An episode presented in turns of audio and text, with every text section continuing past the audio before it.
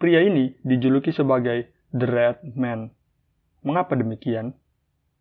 Sutomu Miyazaki adalah seorang pembunuh yang dinobatkan sebagai psikopat terkejam sepanjang sejarah Jepang. Miyazaki bahkan memiliki beberapa julukan lain, di antaranya The Otaku Killer dan Dracula Miyazaki.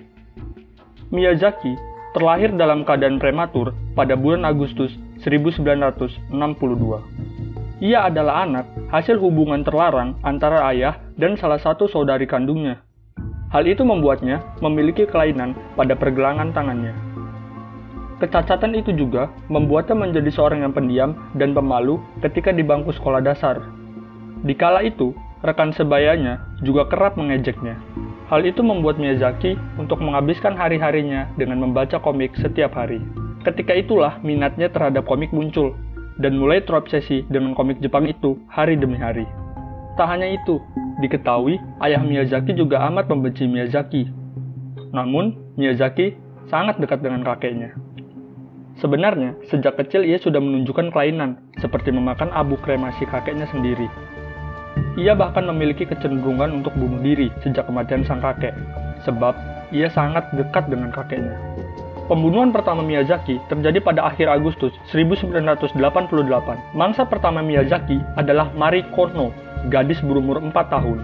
Ia diculik Miyazaki saat sedang bermain di depan rumahnya. Kemudian, gadis kecil itu dibawa ke bawah sebuah jembatan lalu mereka duduk beberapa menit di dalam mobil. Setelah itu, Miyazaki mencekiknya hingga mati. Lalu, ia mencabuli mayat gadis kecil itu. Miyazaki kemudian membakar mayat korban dan mengirimkan sebuah paket yang berisi abu, foto pakaian yang terakhir kali dikenakan Kono, beberapa gigi kecil, dan sebuah kartu pos ke orang tua Kono. Diketahui kartu pos itu bertuliskan, Mari, dikremasi, tulang, penyelidikan, pembuktian.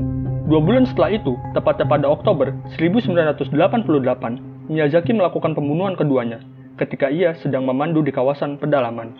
Korbannya bernama Masami Yoshizawa, gadis berusia 7 tahun. Yoshizawa berhasil dibujuk oleh Miyazaki, kemudian ia membawa Yoshizawa ke sebuah hutan dan membunuh gadis kecil itu dengan cara yang sama, dibunuh, dicabuli, lalu membawa pakaiannya ke rumah. Desember 1988, otaku gila ini kembali melakukan perbuatan kejinya. Erika Nanba, gadis berusia 4 tahun yang diculik oleh Miyazaki saat ia sedang berjalan pulang menuju rumahnya. Erika dibawa ke sebuah lot parkir di Naguri, Saitama. Miyazaki memaksa Erika untuk membuka bajunya. Lalu, Miyazaki mengambil foto gadis kecil yang sudah tak berbusana itu. Kemudian, Erika dibunuh oleh Miyazaki, dan mayatnya dimasukkan ke bagasi belakang mobil lalu ditinggalkan. Sebuah kartu pos dikirimkan kepada keluarga korban dengan tulisan Erika, sejuk, batuk, tekak, rehat, mati. Tak berhenti sampai di situ. Juni 1989, Ayoko Nomoto, gadis berusia 5 tahun yang menjadi korban selanjutnya dari kekejaman Miyazaki. Miyazaki membawa mayat Nomoto ke rumahnya. Miyazaki menghabiskan waktu dua hari, lalu mencabuli mayat Ayoko dan memfotonya dalam beberapa pose. Kejamnya, Miyazaki juga merekam aksinya itu. Juli 1989, Miyazaki menemui karmanya. Saat itu, Miyazaki hendak menculik dan membunuh korban kelimanya. Apa daya, aksinya kali ini dipergoki oleh orang tua korban. Hal itu membuatnya berhasil ditangkap oleh pihak kepolisian setempat. Setelah dilakukan penyelidikan lebih lanjut, Miyazaki diketahui menyimpan 5.763 film anime, horor, dan porno di rumahnya. Penemuan inilah yang kemudian memutarbalikkan stigma otaku di Jepang.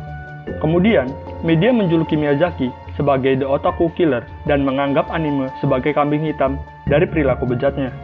Usai ditangkap, ayah Miyazaki yang mengetahui perbuatan putranya itu menolak untuk melakukan pembelaan dan memilih untuk bunuh diri. Sementara Miyazaki sendiri juga tidak mau minta maaf atas perbuatan yang telah ia lakukan. Bahkan, ia malah mengatakan jika perbuatannya itu dilakukan untuk kebaikan. Akhirnya, atas perbuatannya itu, Miyazaki dijatuhkan hukuman mati ia dieksekusi dengan hukuman gantung pada 17 Juni 2008. Baiklah, sekian podcast kali ini. Tetap jadi orang penasaran and see you in the next podcast.